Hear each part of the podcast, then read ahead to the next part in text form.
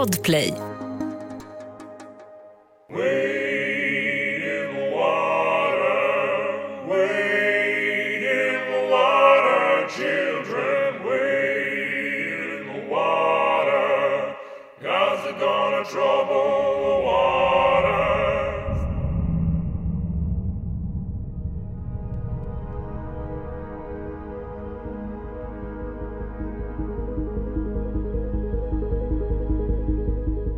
Jag befinner mig precis utanför en klädaffär som då ligger kan man säga, vägg i vägg med den här eh, restaurangen vars uteservering som jag har hoppat in på när lastbilen dundrar förbi. Jag tror jag faktiskt jag uppfattar resten av en, en, en barnvagn att ja, det, det är en massa bröt där. Ett barn som har eh, åkt med vad ska jag säga, huvudet före in i plexiglasfönstret på den här uteserveringen. Stina Nordström befinner sig på Drottninggatan under terrorattentatet den 7 april när lastbilen dundrar fram. Trots att hon upplever ren och skär skräck stannar hon kvar på platsen och hjälper en liten pojke som träffats av lastbilen. Du lyssnar på ett nytt avsnitt av Hjältarna med mig, Jenny Burman. Det här är podcasten där vi hyllar personer som kliver fram i akuta lägen. Även om det ibland innebär en risk för dem själva. Men vad händer med den som är med om en kris? Och hur tar man sig vidare? Vi har bjudit in Lisa Klevberg till dagens avsnitt för att prata om det.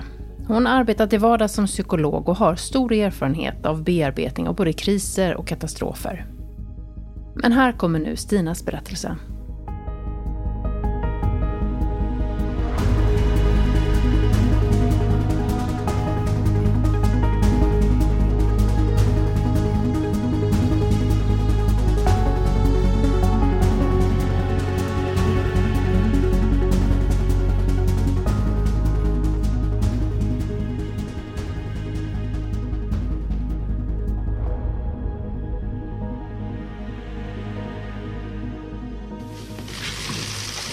Sverige har blivit eh, attackerat. Eh, allt tyder på att det här är ett eh, terrordåd. Det är fredag eftermiddag och Stina är på väg till veckans sista möte. Snart väntar helg och påskfirande med familjen. Kontoret där hon jobbar ligger centralt i Stockholm city och för att ta sig till mötet hon ska delta på behöver hon mer eller mindre bara korsa Drottninggatan. Hon kliver ut från kontoret och träffas av solens strålar Ute är det vackert vårväder. Jag var ute i hyfsat god tid eh, till mötet. Det skulle börja klockan tre. Så att jag strosade runt lite på Drottninggatan och tittade lite i skyltfönster och ja, skyndade långsamt helt enkelt. På Drottninggatan är det alltid mycket folk på fredag eftermiddagar. Och den här dagen är inget undantag. Bara några kvarter bort från den plats där Stina befinner sig har terroristen stulit en lastbil och påbörjat sin vansinnesfärd som ska sluta med att fem personer mister livet och många skadas. Ja, när jag går där så blir jag plötsligt varse om eh, ett kraftigt ljud. Det är ljudet som jag hör först innan jag ser någonting. Alltså ett kraftigt ljud av liksom det buller, ljudet av en eh, rusande motor. Eh, det är det jag reagerar på först. Vad ska jag säga, obestämbart att jag hör det på, på håll och att det närmar sig. Att jag reagerar därför att det är, det är så starkt och kraftigt att det är, det är, inte, det är inte normalt. Det är någonting, någonting som är onormalt. Saker och ting händer så pass eh, snabbt så att jag tror inte, det var, måste varit rätt få egentligen som, som reagerade på förhand så att säga. Jag möter ju den, jag får den framför, den kommer framför mig och inte bakom. Vilket jag tror eh, så här i efterhand var säkert en, eh, en del av, av räddningen för min del. Då, att, att, eh, att jag mötte den och hade möjlighet att hoppa undan när den dundrar förbi. Stina hinner slänga sig in på uteserveringen som ligger precis där hon står. Det går på någon sekund så har lastbilen passerat. hon tittar upp har hon svårt att ta in vad hon ser och vad som just har hänt. Det är, det är bråte, det är de här men, betonglejon, det är blomkrukor. Jag tror jag faktiskt jag uppfattar resten av en, en, en barnvagn. Att ja, det, det är en massa bröt där framför bilen som kör. Eh, och att, och att jag liksom noterar det är en stor lastbil. Jag ser ingenting av föraren. Eh, jag tror inte ens jag tänker riktigt på att, att notera någonting sånt. Utan det mest konstaterandet, det, det kommer en lastbil. Eh, jag hoppar undan den. Det här är ljudet. Och faktiskt rätt omedelbart insikten om att det här är terror, det här är Nice, det var Nice jag tänkte på. Terrorattentatet i Nice sker ett år tidigare än attentatet på Drottninggatan. Det genomfördes på liknande sätt av en ensam terrorist utrustad med en lastbil. Allt har gått fort. Nästan obeskrivligt fort. Det finns, eh, eh, jag har sett sekvenser av en film som är en övervakningsfilm från en, en klädaffär på Drottninggatan som jag dessutom har varit inne i flera gånger tidigare och handlat i. Och där man verkligen ser just att eh, ja, människor som i vild panik kastar sig in i butiken och så bara ser man den här stora svarta skuggan som svischar förbi. Att man också då får uppfattning om hur, hur, lit, hur liten marginalen var när lastbilen kom och, och drog förbi. Det var ju bara swish. När lastbilen passerat Stina fortsätter den längs Drottninggatan. Det är en skräckfylld färd på 570 meter. Så ser hon plötsligt ett barn som har träffats av lastbilens enorma kraft. Vi är ett stort antal människor som befinner oss i, i chock på, på olika sätt. Eh, för då ser jag också att det ligger skadade människor här på gatan det behöver komma hit vårdpersonal, det behöver komma hit ambulanser. Och jag ringer och ringer och ringer 112 och det, jag kommer inte fram. Och då ser jag att det är en, en, eh, ett barn som har eh, åkt med vad ska jag säga, huvudet före in i plexiglasfönstret på den här uteserveringen. Barnet sitter fastkilat med huvudet i det här plexiglaset. Och vi är flera människor runt omkring som, som är chockade. Vi är flera som hjälps åt då i den situationen. Vi eh, lyckas få ut barnet, och jag ser att det är en pojke, från det här fönstret där, där han sitter fast. Och han är vid medvetande eh, och eh, är förstås panikslagen och ledsen, skriker och gråter. Ett poddtips från Podplay. I fallen jag aldrig glömmer djupdyker Hasse Aro i arbetet bakom några av Sveriges mest uppseendeväckande brottsutredningar. Går vi in med hemlig telefonavlyssning och, och då upplever vi att vi får en total förändring av hans beteende. Vad är det som händer nu? Vem är det som läcker? Och så säger han att jag är kriminell, jag har varit kriminell i hela mitt liv men att mörda ett barn, där går min gräns. Nya säsongen av Fallen jag aldrig glömmer på Podplay. När de får ut pojken upptäcker de såret i huvudet som han har fått av plexiglaset. Stina och de andra personerna runt pojken hjälps åt för att lägga honom ner på gatan. En eh, kille som är till vänster om mig som Eh, liksom, som försöker hålla honom i sin famn samtidigt som vi ja, försöker lägga honom ner. Och det här såret som han har i huvudet blöder ju något oerhört mycket. Det sitter som en krans runt huvudet där, där han har suttit fastkilad i det här eh, plexiglasfönstret. Så att det är ett runt sår runt hela huvudet. Och det är glassplitter. Det är någon person som måste ha varit sjukvårdskunnig på något sätt som väldigt eh, klokt sliter ner kläder från, från en klädställning utanför den här klädaffären och börjar försöka binda om det här stora såret som det då är i, eh, i huvudet. Under tiden som några personer försöker stoppa blödningen på pojkens huvud koncentrerar sig Stina istället på att få en kontakt med honom.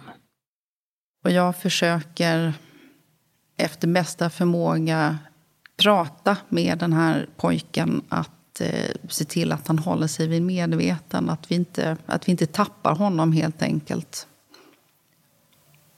Och försöker låta bli att drabbas av panik själv. Eh, eh, I en sån situation, vilket är svårt. Eh, låta bli att gråta så att han inte ska bli rädd på grund av det, vilket också var oerhört svårt. Jag frågade honom vad, vad heter du? Hur gammal är du? Och sen försökte jag bara prata om att ambulansen är på väg. Du ska få komma till sjukhuset. Eh, du får vara en duktig kille nu, en duktig pojke nu. Vi ska se till att du får komma till doktorn. Pojken ropar efter sin mamma och sin pappa. Han ropar efter sin farmor.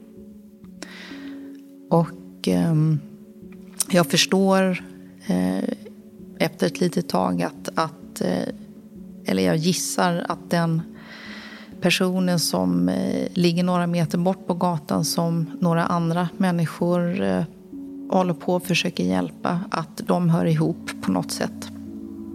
Eller som jag tror att det är pojkens mamma. Och jag säger till, eh, till honom att eh, mamma kan inte komma nu. Så du, du, får försöka vara duktig. Ambulansen kommer, du ska till sjukhuset. Men mamma kan inte komma nu.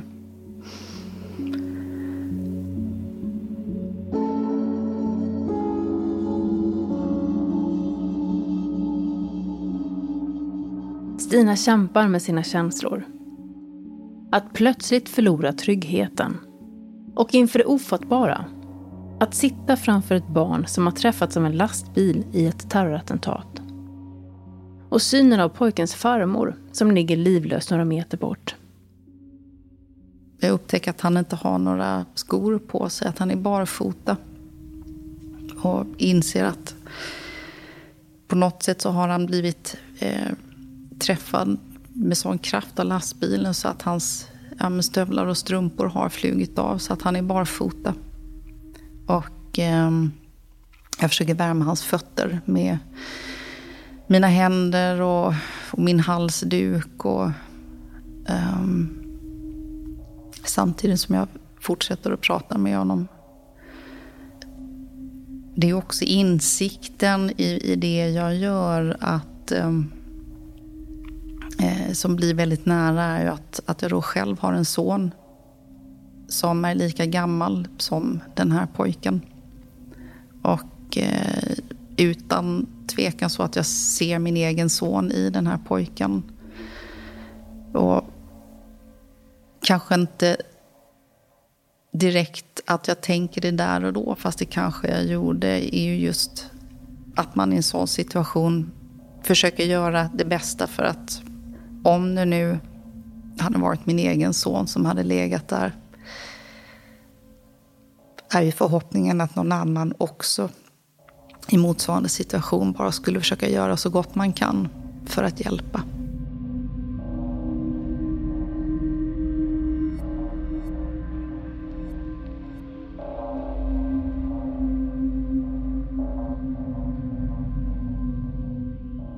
Man blir ju imponerad av hur logisk och rationell hon var under hela den processen. Eh, hur hon klarade att fundera över vad det var som pågick och vart hon skulle ta vägen och hur hon skulle agera när hon hittade den här pojken. Och hon tog in flera olika perspektiv. Det här att hon tänkte hur hon själv som mamma hade velat att andra agerade i den situationen och så. Rösten tillhör Lisa Klevberg. Hon arbetar som legitimerad psykolog och har stor erfarenhet av trauman som uppstår i kriser, som till exempel vid terrorattentat. Så hur kommer det sig att vi reagerar så olika i kriser? Eh, man brukar prata om att det är olika faktorer som avgör hur man reagerar på kriser och potentiellt traumatiska upplevelser. Och där kan man ju titta då på dels händelsen i sig, men också eh, kanske vad man har för erfarenheter från tidigare liv, eh, hur man fungerar rent kognitivt, hur flexibel man är, hur lätt man har kanske att ta in andras perspektiv eller förmåga att känna positiva känslor, hur mycket socialt stöd man har och alla de faktorerna spelar in. Vid en olycka eller kris utsätts vi för stark stress och enligt Lisa är det många faktorer som avgör hur vi agerar i stunden. Men hur ser förloppet ut efteråt? Finns det en mall för hur vi reagerar och bearbetar traumat? Ja, det är också sådär att vi pratar ofta om att det finns olika faser i en kris. Eh, men sen kanske man kan hålla på och hoppa mellan olika faser under samma dag beroende på hur det ser ut. Så att det är inte så att man vet att, okej, okay, först, men man pratar ofta om, om fyra olika faser i en kris. Och då brukar man prata om att det finns en chockfas, eh, en reaktionsfas, eh, när man börjar kunna ta in vad det är som har hänt. Eh, en bearbetningsfas där man börjar kanske ta ställning till vad det är och, och liksom tänka och känna kring det. Och sen en nyorienteringsfas där man någonstans eh, börjar kunna ta in att det här har hänt. Men jag, nu får jag på något sätt stoppa in det i mitt liv och gå vidare. Eh, men där vet vi ju inte, det är väldigt individuellt hur länge man befinner sig i varje, varje fas i den här bearbetningsprocessen.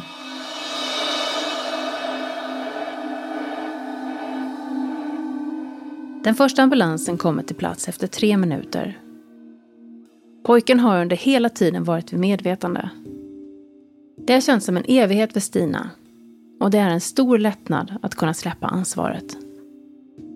När eh, ambulansen väl kommer och, och det kommer sjukvårdspersonal som ser till att den här pojken får en, en sån här stödkrage på sig, lägger på honom på en bår och lyfter in honom i ambulansen. När jag liksom känner att bra, nu, nu är han på väg till sjukhuset. Då försöker jag få kontakt med, med den här kvinnan. Eh, bara för att på något sätt försöka få henne att förstå att pojken lever och han är på väg till sjukhus. Men hon, hon är inte vid medvetande. Jag förstår att hon är väldigt illa skadad. Men jag försöker i alla fall. Hon blöder inte, men det, det, det syns. Alltså det, jag, jag får i alla fall uppfattningen när jag ser henne att hon, hon måste ha fått inre skador på något sätt och att hon är, att hon är medvetslös. Vid det här laget har polisen börjat spärra av platsen. Stina tittar sig omkring och förstår att hon behöver lämna platsen. Vad har hänt längre upp på Drottninggatan? Då, då såg jag också längre upp i, eh, i korsningen upp mot Kungsgatan är det väl. Att det låg kroppar under filtar som... Där det inte var någon människa som höll på och försökte göra någonting. Och då minns jag också att jag tänkte att där ligger det döda människor. Och sen såg jag röken från eh, uppifrån Åhléns där eh, lastbilen hade kraschat. Och då var egentligen min, min nästa tanke att det hållet ska jag inte gå åt, jag ska gå åt det motsatta hållet. Det sprang ju panikslagna människor eh, runt omkring och eh, minns också just när jag såg när poliser började komma och noterade att, alltså att de var beväpnade, tungt beväpnade. Och någonstans där en insikt att ja, det, här, det här är verkligt, det här, det här är illa. Men det brinner ju från den här lastbilen som, som har kört in i Åhléns city och nu, nu är det polisen. Nu springer polisen. Nu springer alla här. Nu jävlar. Robin, var rädd om dig. Var rädd om ja, dig. Nu jävlar springer folk här. Okej. Okay. Nu får vi dra.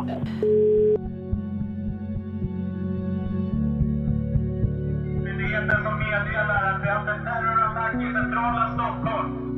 Vänligen lämna city. Det finns alltid risk för en andra terrorattack.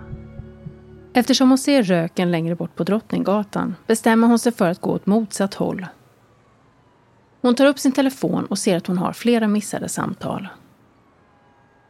Det råder vid det här laget stor osäkerhet kring attackens omfattning och det cirkulerar rykten om skottlossning på flera håll i stan.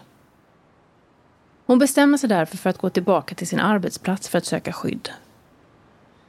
Det är ju så mycket folk i stan. Eh, alla dessa människor som, som inte vet någonting och som inte vet vad jag har varit med om. Eh, jag går och, och gråter. Eh, jag är inte skadad, men, men, men chockad. Och när du kommer tillbaka till kontoret, vad, vad händer då? Då, eh, då kraschlandar jag i, i famnen på, på en av mina medarbetare.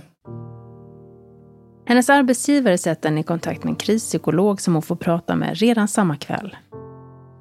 Hon fortsätter sedan att gå till psykologen en tid efteråt för att bearbeta det som hon varit med om.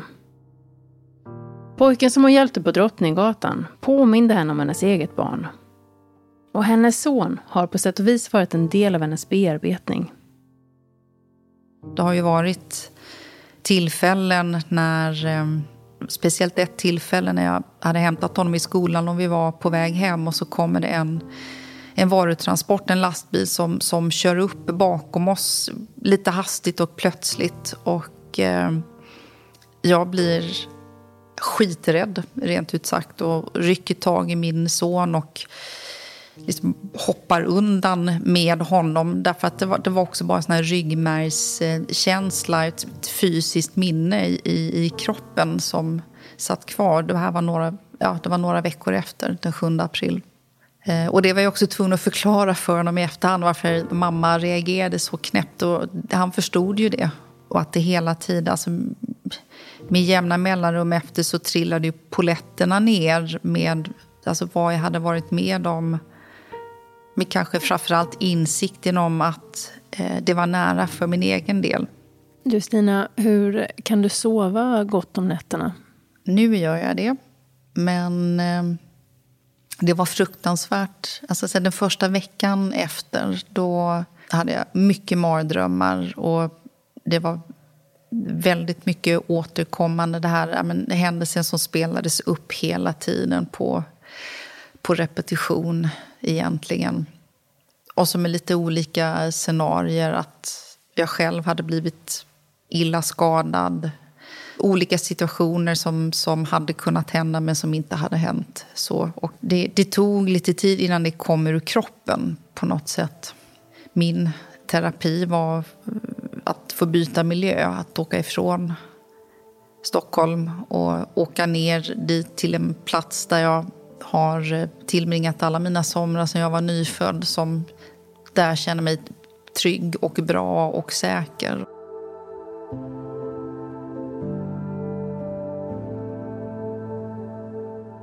Och hur är det att komma tillbaka till Drottninggatan? Är det ens möjligt? Det eh, tar emot rent fysiskt ska jag säga att gå. Jag, jag, kan inte gå mitt i Drottninggatan för då, det kryper i hela kroppen på mig då. Utan när jag är där så då håller jag mig antingen väldigt långt till vänster eller väldigt långt till höger därför att någonting i min kropp säger att jag ska göra det in case of att någonting skulle hända. Vilket ju är fullständigt irrationellt förstår jag också. Men det, det är rent, det är fysiskt. Det är väldigt fysiskt. Och har du varit tillbaka på platsen där, där du hjälpte pojken? Det har jag. Eh, och det var, jag, det var en stor manifestation på Sergels torg på, på söndagen. Och då eh, åkte jag dit med min familj, med min sambo och eh, min son. Eh, för att jag väldigt tydligt kände att det här behöver jag göra. Jag behöver så att säga ta tillbaka den här delen av stan och, och Drottninggatan och normalisera den. Men det var väldigt, eh, väldigt känslosamt att eh, gå Drottninggatan ner när då spärrarna var borttagna och gå ner till den här uteserveringen igen och se det här trasiga plexiglaset med det här klotrunda hålet där det satt blod kvar i, i glassplittret. Det, det var eh, ohyggligt, faktiskt. Stina och många av personerna som överlevde terrorattentatet klarade sig tack vare att de hörde ljudet av lastbilen. För Stina sitter den insikten kvar och hon har numera aldrig hörlurar på sig när hon är ute. Idag ser hon tillbaka på händelsen med tacksamhet och sorg. Jag ska säga att det viktigaste av allt var att pojken klarade sig. Och det fick jag ju veta på, på lördagen. Och det, det var egentligen den absolut viktigaste biten för att jag skulle kunna må bättre och gå vidare. Det var vetskapen om att han klarade sig. Det som vi gjorde tillsammans för honom där var inte förgäves. Det är ju en enorm tacksamhet för att eh, jag själv inte blev dödad eller skadad. Samtidigt en enorm sorg för de människor som inte fick komma hem till sina familjer den dagen.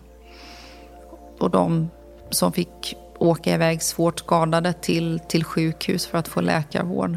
Hur fick du reda på att det hade gått bra för pojken? Jag blev intervjuad av radion på lördagen, dagen efter. Och eh, under den direktsändningen så ringde pojkens pappa in till, till redaktionen och, och berättade att eh, pojken hade klarat sig. Han hörde intervjun? Ja, precis. Och det var också då jag fick reda på att det var farmor och, och inte mamma som pojken hade varit där med. Så reporten som intervjuade mig ringde upp mig direkt efter sändningen och, och berättade detta. Och det var verkligen... Nej, det var... Um, alltså den oerhörda lättnaden i att få det beskedet går inte att beskriva skulle jag vilja säga. Har du haft någon kontakt i efterhand med pojken? Nej, det har jag inte. Men det hade varit helt fantastiskt att få träffa honom igen och förhoppningsvis se att det är en, en pojke som leker och, och går i skolan och är som vilken kille som helst, precis som en egen son. Så eh, det hade varit roligt. Även om det har varit tufft har Stina lyckats bearbeta traumat och händelsen begränsar inte hennes liv idag. Men hur ska man tänka kring kriser? Vilka situationer kan man själv hantera och när är det läge att ta professionell hjälp? Jag tycker att när man märker att ens liv och vardag påverkas negativt, då är det läge att söka hjälp. Om man kanske inte klarar sina vanliga arbetsuppgifter eller fritidsaktiviteter, om man känner att ens relationer blir lidande, eh, då tycker jag att det är läge att söka professionell hjälp. Så att man inte hamnar i en ond cirkel eller negativ spiral där man på något sätt börjar begränsa sig själv. Det är någonting annat vi har sett, att människor som har en känsla av kontroll reagerar bättre på den här typen av kriser eh, och eh, traumatiska upplevelser. Så även om man inte har kontroll så ska man försöka se till att skapa sig kontroll och då hitta något ställe där man alltid får ge utlopp för de känslor man har. Är det mm. så? Ja, för att ofta så kanske man bara försöker köra vidare hela tiden. Och ibland då kan det bli så att, att eh, man kanske får väldigt mycket ångest på nätterna eller när man inte riktigt klarar att hålla det här ifrån sig. Eh, att under dagtid kanske man rusar på och är så upptagen med annat. Men, men när man sover eller när man vaknar väldigt tidigt på morgonen så kan det komma väldigt mycket ångest och så. Så att jag tror att det är bra att ha olika tillfällen där man nästan bestämmer att här får jag känna det här. Tack Lisa Kleberg för kunskap och kloka råd. Och tack också till Stina för att du berättar om dina upplevelser. Även om du är osäker kring hur du ska agera på plats, så tänk på att det är till stor hjälp för den som är skadad, bara du är närvarande. Om du pratar lugnande, kanske håller om och lägger en tröstande hand på axeln. Om du har tips på personer som du tycker ska vara med i Hjältarna så når du mig på Civilkuragebyrån på Facebook eller Instagram eller på civilkuragebyran.se. För klippmix och ljuddesign står Erik Magnusson. Jag heter Jenny Burman och jag hoppas att du vill lyssna snart igen. Hej då!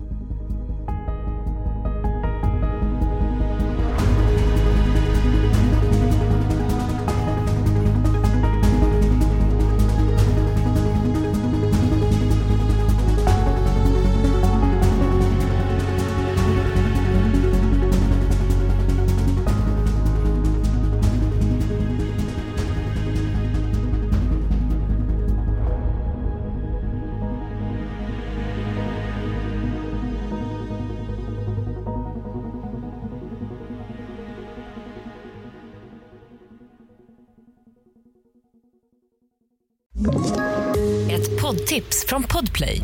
I fallen jag aldrig glömmer djupdyker Hasse Aro i arbetet bakom några av Sveriges mest uppseendeväckande brottsutredningar. Går vi in med hemlig telefonavlyssning och, och då upplever vi att vi får en total förändring av hans beteende. Vad är det som händer nu? Vem är det som läcker? Och så säger han att jag är kriminell, jag har varit kriminell i hela mitt liv men att mörda ett barn, där går min gräns. Nya säsongen av Fallen jag aldrig glömmer på Podplay.